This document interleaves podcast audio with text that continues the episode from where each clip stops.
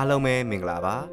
Spring University မြန်မာຫນွေဦးတက္ကသိုလ်ရဲ့ podcast စီစဉ်ရနေပြီးတော့ပြန်လည်ကြိုဆိုလိုက်ပါတယ်ဒီ podcast ကိုတော့ကျွန်တော်ဆိုင်ရန်က host လုပ်နေရဖြစ်ပါတယ်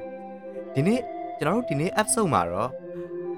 Con- Resilient in Conflicted Area Series ရဲ့သရုပ်ထမြောက် episode ဖြစ်တဲ့ Korea April တော်လိုင်းအကြောင်းကိုဆွေးနွေးတင်ဆက်သွားမှာဖြစ်ပါတယ်ကျွန်တော်တို့ဒီ episode မှာတော့ဘာတွေကိုအဓိကဆွေးနွေးသွားမလဲဆိုရင် Korea April တော်လိုင်းဘာကြောင့်ဖြစ်ပွားလာခဲ့ရလဲဘယ်လိုဖြစ်ပွားခဲ့လဲ ပြီးတော့ကိုရီးယားတွေဘယ်လိုမျိုးဒီကိုရီးယားပြည်သူတွေဘယ်လိုမျိုးကြမ်းကြမ်းနဲ့ဖိနှိပ်မှုတွေရင်ဆိုင်ခဲ့ရလဲပြီးတော့ဒီဒေါ်လာရေးဘယ်လိုအဆုံးသတ်သွားခဲ့လဲကျွန်တော်တို့ဒါတွေကိုလေးလာဆွေးနွေးသွားမှာဖြစ်ပါတယ်အားကြောင့်အားလုံးပဲဆက်လက်ပြီးနားတော့တာဆင်ပေးကြပါဦးခင်ဗျာ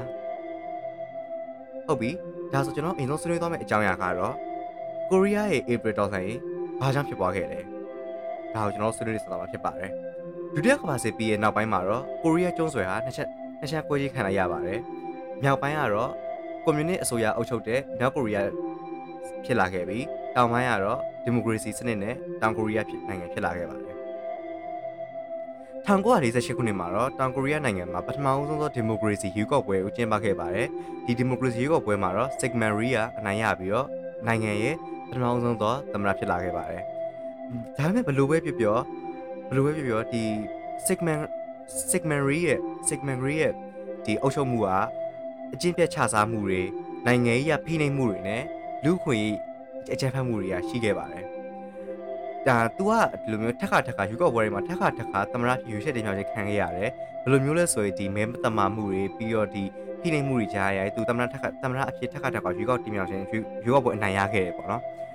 အာပြီးတော့အဲ့လိုအဲ့လိုထက်ခါထက်ခါမဲပတ်သက်မှမှုကြီးကြောင့်ရေကော့ပွဲနိုင်ရခဲ့ရတဲ့နေရာစပြီးတော့သူကကိုရီးယားရဲ့အာဏာရှင်ပုံစံမျိုးဖြစ်လာခဲ့ပါတယ်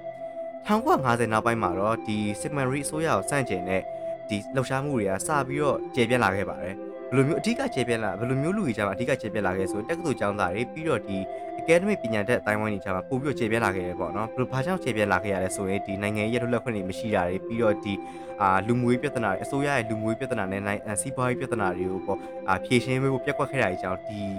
Sigmary အစိုးရကိုစန့်ကျင်တဲ့လှုပ်ရှားမှုတွေပိုပြီးအားကောင်းလာခဲ့တယ်ပေါ့နော်အဲ့ဒါဘယ်လိုလေးဖြစ်အဲ့ဒါနောက်ဆုံးဘယ်မှာထပြီးတော့ပောက်ကွဲခဲ့လဲဆိုရင်1960ရွေးကောက်ပွဲမှာ Sigmary က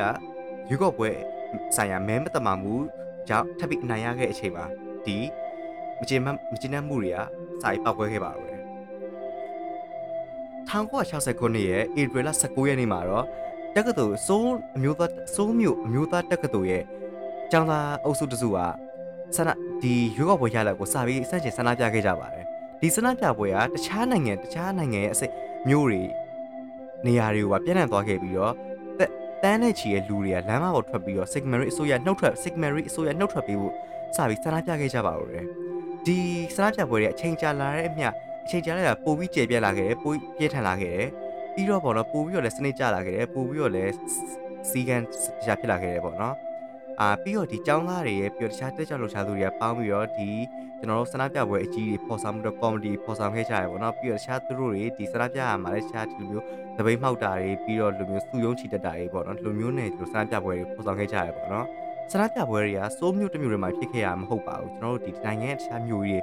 အင်ချွန်တို့ဘူဆန်တို့လိုမျိုးတွေမှာလည်းတခြားဖြစ်ခဲ့ကြပါတယ်တဲတန်းနဲ့ချီတိန်းနဲ့ချီတော့တန်းနဲ့ချီတော့လူတွေကဆန္ဒလမ်းမကိုထွက်ဆန္ဒပြခဲ့ကြပြီးတော့ Sigmary ဆွေး နှုတ်ထွက်ပြီးတောင်းဆိုခဲ့ကြပါတယ်ဟုတ်ပြီဒါဆိုရင်ကျွန်တော်တို့ဒီကိုရီးယားပြည်ဆန္ဒပြတဲ့ကိုရီးယားပြည်တွေဘယ်လောက်ဘယ်လိုမျိုးကြမ်းတမ်းတဲ့ဖိနှိပ်မှုတွေရင်ဆိုင်ခဲ့ကြရလဲဆန္ဒပြပွဲအစပိုင်းတွေမှာတော့ဆန္ဒပြပွဲအစပိုင်းမှာအစိုးရကစနစ်တမန်ရိုးချာဖြိုခွင်းတဲ့နီလန်တွေကိုပဲအသုံးပြုခဲ့ကြပါတယ်အသုံးပြုခဲ့ပါတယ်သူမျက်ရည်ကိုပုံနဲ့ဖြိုခွင်းတာတွေရောဘာကြီးအသုံးပြုခဲ့တာတွေပြီးတော့